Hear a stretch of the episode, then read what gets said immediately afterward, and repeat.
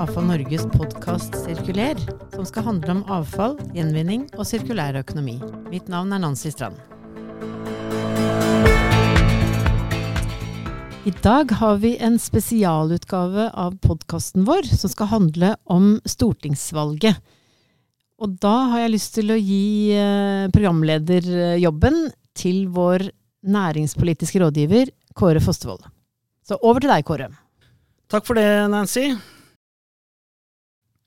La meg først ønske vår gjest i denne podkasten velkommen, og det er stortingsrepresentant for Fremskrittspartiet, Bård Hoksrud. Velkommen, Bård. Tusen takk for det. Bård har vært innvalgt på Stortinget i 16 år, og er nylig gjenvalgt for en ny periode. Han har i disse årene for det meste vært medlem i transport- og kommunikasjonskomiteen, men også tre år i helse- og omsorgskomiteen. I tillegg til flere ledende verv i Fremskrittspartiet har han også vært statssekretær i Samferdselsdepartementet og statsråd i Landbruks- og matdepartementet. Men først, Bård, kanskje du kan fortelle litt om deg sjøl, og hvordan du begynte i politikken, og hva som driver deg etter alle disse årene? Det er klart at man ønsker å være med å påvirke, sørge for at uh, man får et bedre, bedre, samfunn. Og det var vel litt sånn at jeg begynte ganske tidlig å jobbe i dagligvarebutikk, så jeg begynte å tjene penger. Og så syntes jeg at jeg måtte begynne å betale skatt ganske tidlig. Og så begynte jeg å lure på hva går egentlig disse pengene til. Uh, så det var vel litt det som var, i tillegg til at jeg veldig, brenner veldig for dette med urettferdighet. og Uh, egentlig sånn Når systemene begynner å bli vanskelig å gjøre vanskelig for vanlige folk og enkeltmennesker i hverdagen deres, så, så er det nok de tinga som driver og gjør at jeg liksom har det engasjementet for politikken. Men du begynte jo for mange mange år siden, Bård. Eh, jeg kan jo huske å ha sett deg som FPU-leder, og, og, det er jo eh, nå ganske lenge siden du kom inn på Stortinget. Liksom. Hva, hva holder deg gående, dette engasjementet, den tiden du bruker? Det er selvfølgelig det å være med og gjennomføre ting, få til ting, er jo det som driver. Men det er klart, eh, som jeg sa, at engasjementet mitt for enkeltmennesker og det der å kunne hjelpe til i hverdagen til folk det der, Vi hadde et sånt søskenpar som mista foreldrene sine når de var ganske små, eh, og som hadde en gård. Og som ønska å få lov å dele den gården sin, og ikke fikk lov til det. Fordi byråkratiet og systemene sa at nei, dette kan vi ikke få til fordi dette er en, en gård, og derfor så kan vi ikke fikse det. Og det å da kunne få til å få rydde opp i det, fordi vi hadde nei, landbruks- og matministeren den gangen. Eh, og få lov å reise ut til de, det søskenparet og fortelle at vi har rydda opp, dere får lov å beholde gården og se den reaksjonen som er der da. Det er jo sånne opplevelser som gjør at eh, alle de kjedelige møtene, alt det man ikke lykkes med, det er, det er da man skjønner hvorfor man driver med politikk. Det handler om å gjøre endringer og få til ting som betyr noe i hverdagen til folk. Og Du nevnte jo nå et godt eksempel, men er det, er det én sak du spesielt er veldig stolt av? Det vi gjorde med å få på plass Nye Veier f.eks., det er jo noe som har betydd enormt mye. Det har vært en enorm vekst i å bygge ut, eh, bygge ut veier i, i, Norge de siste åtte åra. Så det er klart at det er jo noe av det som jeg eh, første gang var med og foreslo i 2006-2007, at vi skulle få på plass det, og det ble jeg liksom ledd av i Stortinget, til at det blir en realitet og ser at det faktisk virker, og at vi får bygd mer vei. Eh, det er klart det er sånne ting som jo er, er gøy, da, men det er kanskje de enkeltsakene som jeg eh, Dette søskenparet og en del sånne andre saker som jeg har fått være med på, som, som kanskje sitter sånn ekstra godt. For det er liksom noe i, hjertet på deg. Det, det har betydd noe. Uh, ja, vi som har fulgt deg, Bård, vi vet jo at du, du, er jo veldig opptatt av, av, transport. Men i dag så skal vi ikke snakke så veldig mye om partipolitikken. Nei. Men mer om hvordan er det Stortinget, regjering, disse bakrommene, hvordan, hvordan fungerer ting sammen. og nå har vi jo akkurat vært gjennom et valg. Eh, når f.eks. starta valgkampen i år for din del? Jeg begynte nok i juni og holdt på hele, helt inn til, til valgdagen. Eh, men det var nok sånn, den liksom ordentlige valgkampen starta litt sånn etter første valgdebatten mellom partilederne i Arendal på Arendalsuka. Det var da liksom valgkampen sånn ordentlig ble satt i gang. Men det kan nok virke som en del folk var litt sånn eh, forsynte lenge før vi kom til valgdagen. Fordi det blir så mye trøkk, og det blir så mye politikk eh, for folk. Så, så, men jeg tror veldig mange starta eh, enten litt før sommeren eller, eller, rett etter sommeren. Det var da liksom det var skikkelig trøkk. Mm. Men har du, har du, noen korte tanker om eh, valgresultat eh, de neste fire årene nå? Det er klart at valgresultatet, det um, Selvfølgelig for egen del så skulle jeg gjerne sett at det var litt annerledes. Men, men, men, nå har man jo på mange måter Det har ligget litt i kortet at det kan ligge an til at man får en regjering bestående av Arbeiderpartiet, Senterpartiet og SV. Uh, og Det betyr at de har flertall, de tre partiene. Men det betyr jo ikke at det er rett hjem og at det nå kommer en sånn regjering på plass. Man har jo sett at noen har vært ute og nesten garantert at ikke de skulle samarbeide med det, uh, med, med det ene partiet, i hvert fall. Men nå er man jo litt på glid. Men det er jo det som blir spennende nå, dynamikk nå de neste ukene, er jo liksom å se hva skjer. Klarer man å få på plass et flertall? Får man en flertallsregjering? Og så er det jo fordeler og bakdeler med en flertallsregjering. Fordelen for de som ønsker at når regjeringen har bestemt seg for noe, så vet man at det er sånn det blir. Bakdelen er jo at Stortinget kan litt sånn, gå litt på tomgang og bli litt kjedelig. Fordi eh, diskusjonene og, de, og de, debattene de foregår på lukka rom eh, i regjeringskvartalet. Og når det kommer til Stortinget, så er det nesten et ekspedisjonskontor for det regjeringa har bestemt. Um, så dette er ja, det, det, er litt sånn begge deler. Uh, det kan være bra på noen måter, mens på andre så kan det kanskje føles at liksom demokrati og, og Stortinget får litt mindre betydning. Men som sagt, ingenting er ferdig ennå. De skal først forhandle. Nå skal de bare sondere, så vi får se. Det blir veldig spennende. Ja, fordi eh, i dag, altså det er jo 21.9 vi gjør dette opptaket, så har det jo vært samtaler, og nå snakkes det om sonderinger, og så har man ikke begynt på forhandlinger. Og det kan være litt ukjent for mange, tror jeg, at eh, eh det er ulike grader av disse til det som kanskje ender som forhandlinger. da. Eh, kan du kommentere litt om det, for du var vel kanskje med på det i 2013? Det var i hvert fall litt sånn etter, etter hvert. Men det, det, er jo litt for å, å, føle litt på hverandre. Finne ut er det grunnlag for å kunne gå videre. Eh, for det er klart, når man nå begynner å sondere, sette seg ned og begynne å prate sammen, så er det klart at da begynner man liksom å gå ganske langt i at nå tenker man at dette skal vi klare å få til, dette skal vi lykkes med.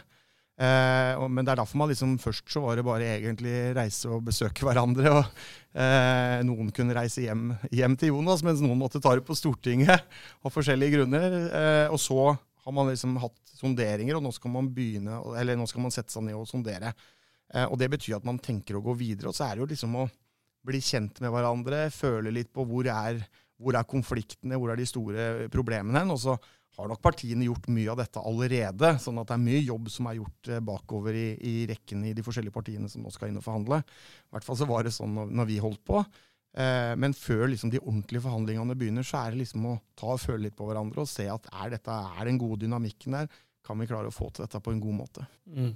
Og vi, vi, ser jo i pressen at det er jo disse absoluttene det blir skrevet mye om. ikke sant? Det som er sagt i valgkampen, at dette er et absolutt krav for et regjeringssamarbeid. Eh, det ser man henger ikke sammen, skal man få til en flertallsregjering f.eks. Um, men det bringer meg over på noe annet. Altså, veldig mange er jo opptatt av regjeringserklæringen. Uh, den Regjeringsforhandlinger blir gjerne holdt på et nytt sted hver gang, og så får jo denne regjeringserklæringen navnet til dette hotellet de har vært på, eller det stedet de har vært. Men hvor viktig er det å få, for en organisasjon da, som oss å få kjernesakene inn i regjeringserklæringen? Det er klart at det er viktig å jobbe for å få ting inn i regjeringserklæringa, for det er jo den regjeringa bestemmer seg for at det er det de skal jobbe for de neste fire åra, eller så lenge den regjeringa eh, er der.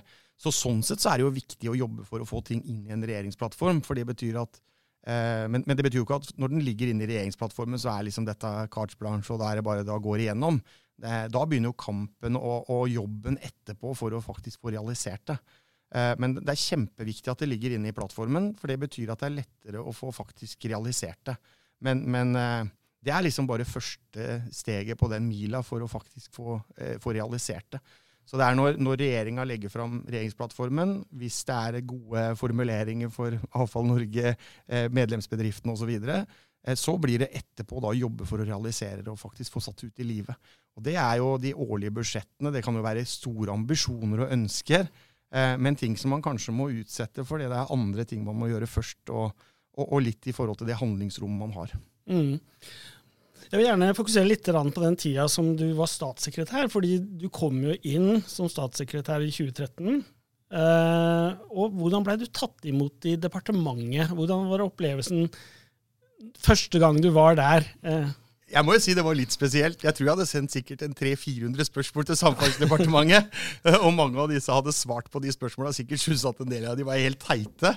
Eh, men, men det var utrolig flott. Og, og, det er jo vanvittig dyktige folk. Og jeg tenker at Eh, noen av de som jobber veldig tett på politisk ledelse, plutselig Man blir jo kjent, man blir gode venner, man får et, et nært forhold. Og så skal de plutselig bare omstille seg at nå er det plutselig nye mennesker som kommer inn som de må forholde seg til. Eh, alt det som den gamle regjeringa har gjort, blir jo lokket ned. Eh, og så er det den nye regjeringa som, som, begynner å jobbe. Eh, og jeg tenkte sånn ok, nå må vi sette i gang masse saker og liksom komme i gang her. Eh, også, men det går liksom ikke mer enn noen timer, så begynner sakene å dette inn på bordet til en statssekretær.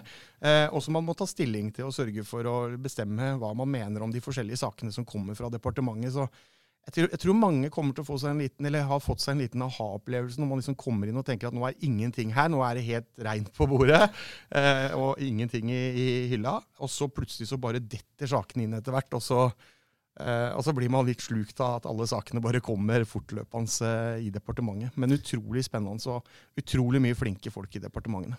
Ja, for Man arver noen saker fra den avgåtte regjering, og så, så har vel også departementene forberedt seg litt på hva står i regjeringserklæringen, hva vil disse menneskene som nå kommer inn?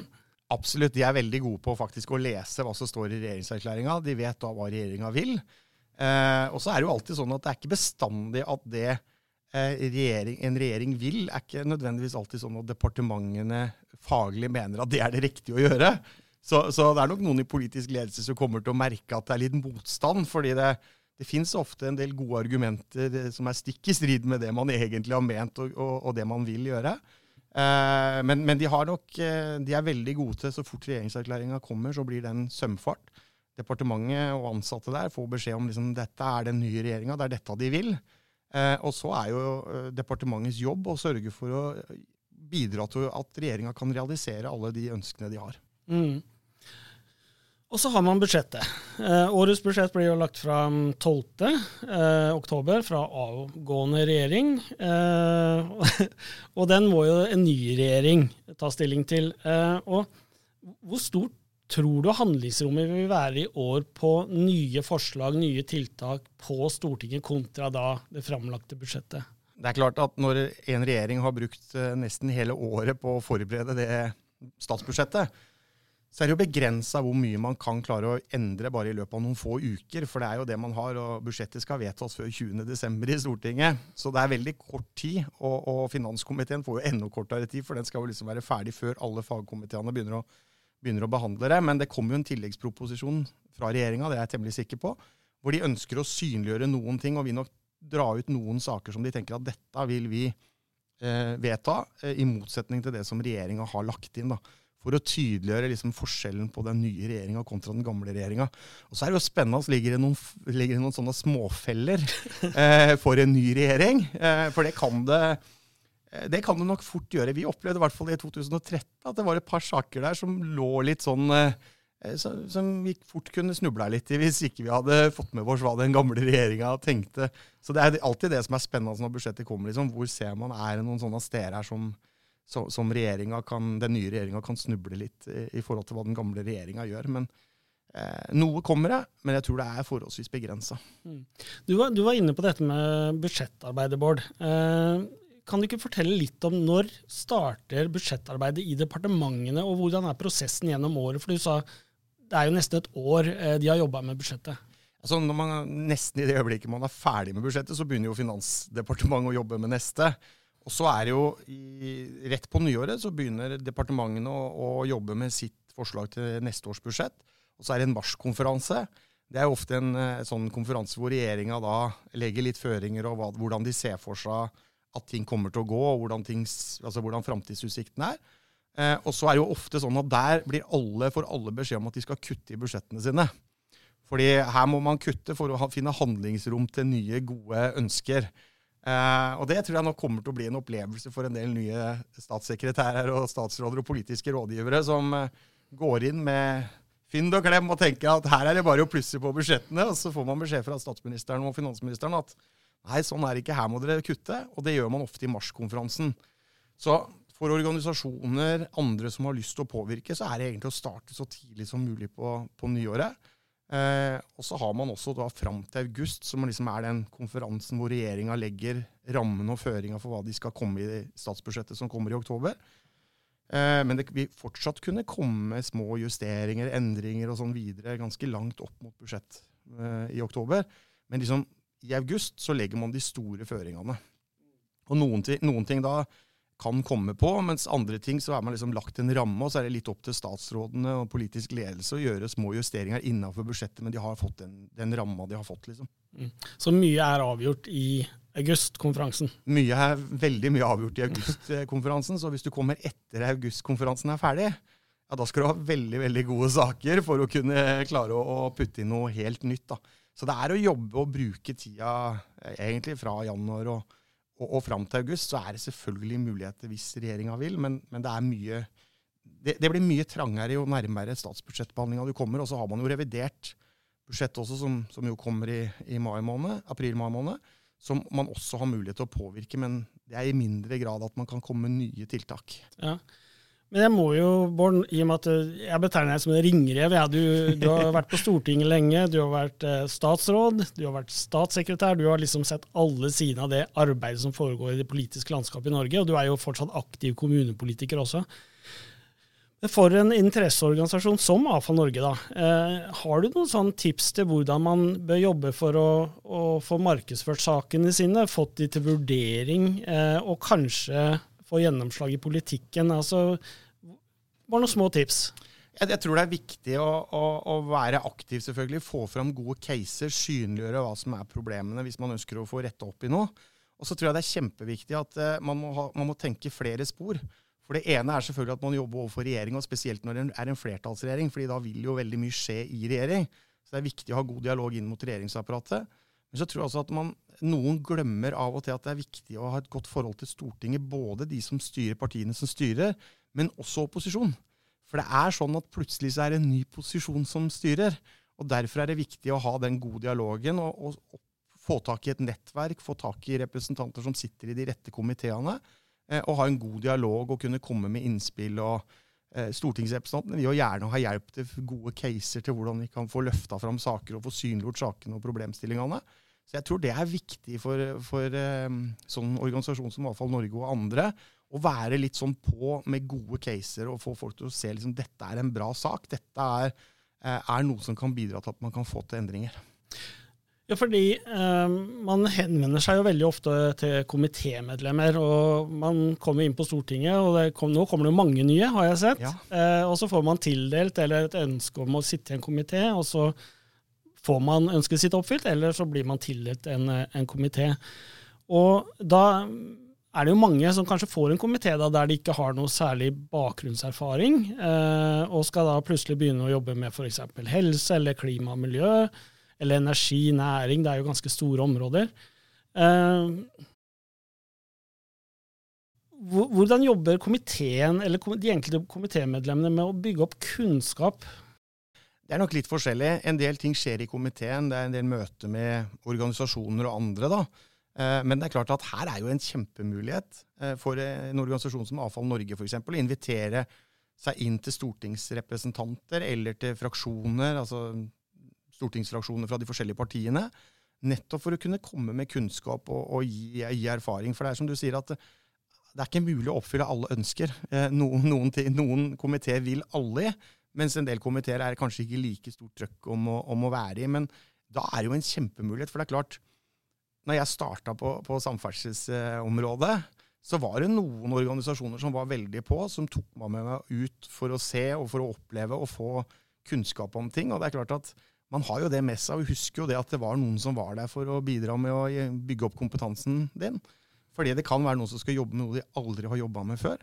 Eh, og da kan du være veldig bra med god opplæring. Så det er jo et tips til, til de som ser på, at eh, når komiteene er, er, satt, og man får medlemmene, så, så kan det være lurt å, å, skape seg gode relasjoner til noen av de som sitter i de forskjellige komiteene, og komme med, med god kunnskap som gjør at de, eh, de får, får, god argumentasjon og god ammunisjon for det de skal ut og argumentere for eh, seinere. Så det er en, et veldig bra i hvert fall så mener jeg det er et godt innspill til de som har lyst til å være med og kunne, kunne påvirke og få gjennomslag. Mm. Og Som tidligere kollega Bård har jeg lyst til å utfordre deg enda litt mer. Jeg går mer ned i detaljene. Det, men jeg, jeg, tror det kan være veldig nyttig for, eh, for lytterne våre. Eh, når man får til et møte på Stortinget eh, Du har jo sikkert hatt utallige møter med da, organisasjoner eller privatmennesker. Altså, Hva er viktig å tenke på når man skal gjennomføre et møte på Stortinget? Jeg tror det er viktig å, å være klar og tydelig på budskapet. Uh, og du bør egentlig bestemme deg for hva er det jeg egentlig vil at han skal sitte igjen med etterpå. Uh, og ikke tenke at liksom, du skal ha en times foredrag eller et times møte. Vær heller mye mer spissa på det du har tenkt å prate om.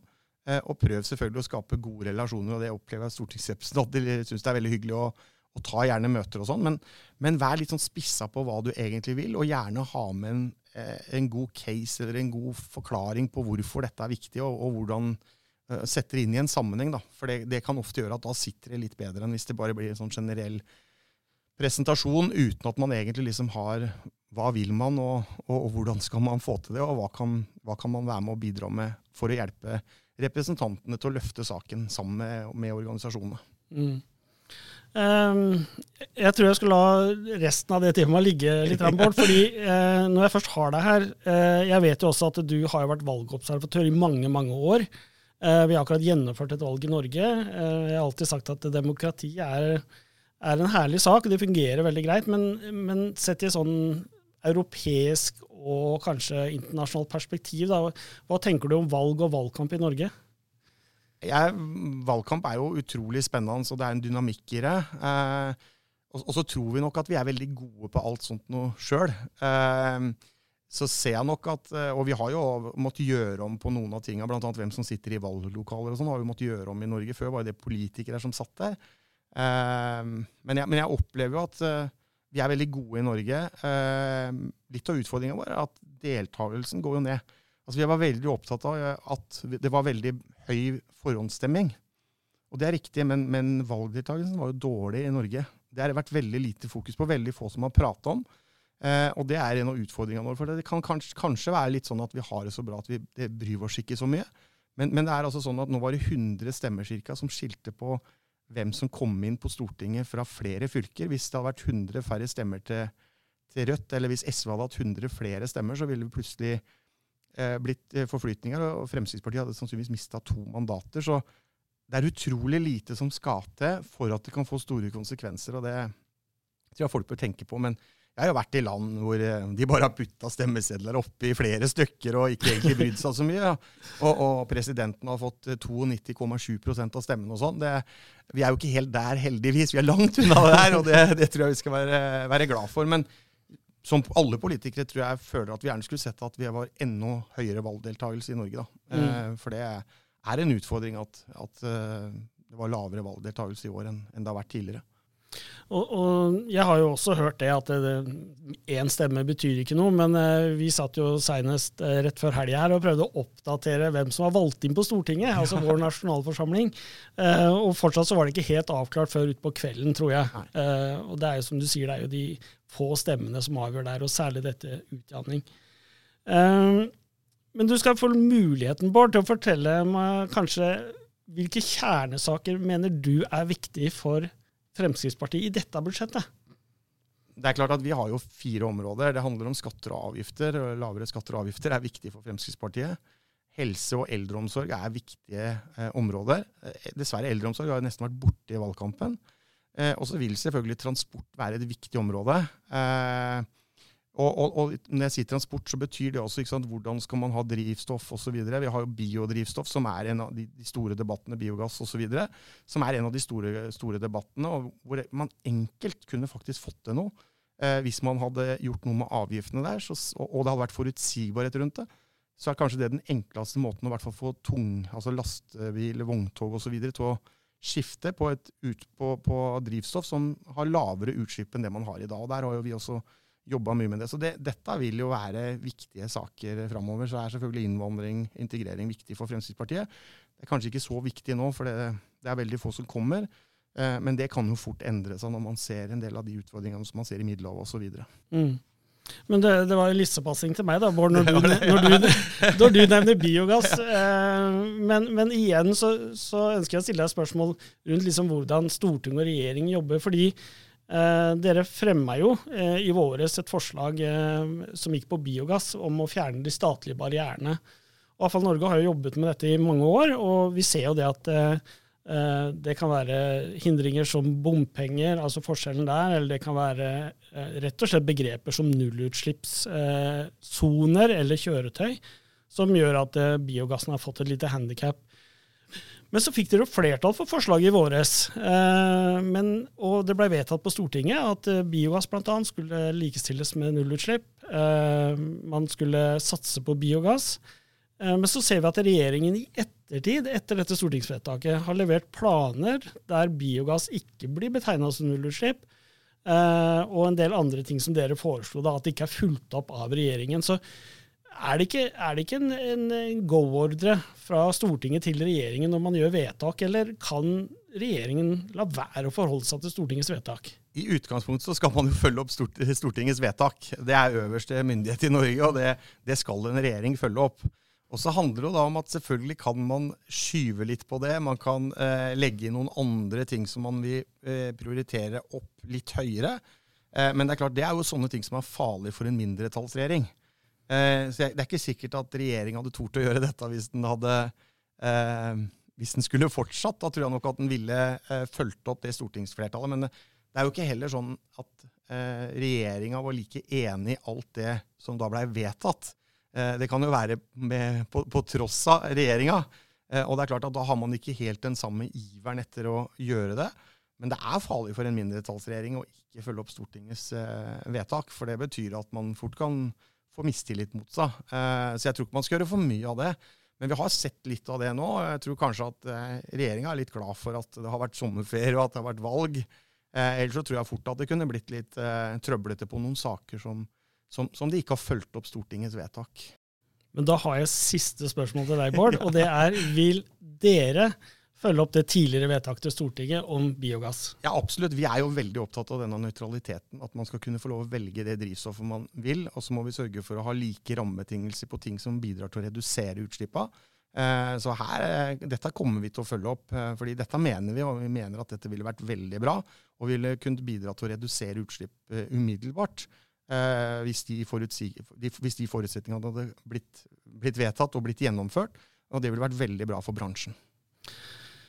Tusen hjertelig takk, Bård. Det høres eh, lovende ut. Eh, og takk for den innsikten du har gitt i hvordan ting henger sammen og hvordan det fungerer. Eh, jeg vil takke deg for deltakelsen i podkasten. Eh, jeg håper det var nyttig også for lytterne våre å se litt hvordan dynamikken er mellom storting og regjering. Og kanskje spesielt nå, som det er litt uavklart situasjon om hvem som blir regjering, og om det blir et flertall eller mindretall. Takk skal du ha, Bård. Og til slutt vil jeg bare ønske alle våre lyttere en videre fin dag. Da gjenstår det bare å takke for i dag. Takk for at du har lyttet til AFO Norges podkast. Takk til vår produsent Håkon Bratland.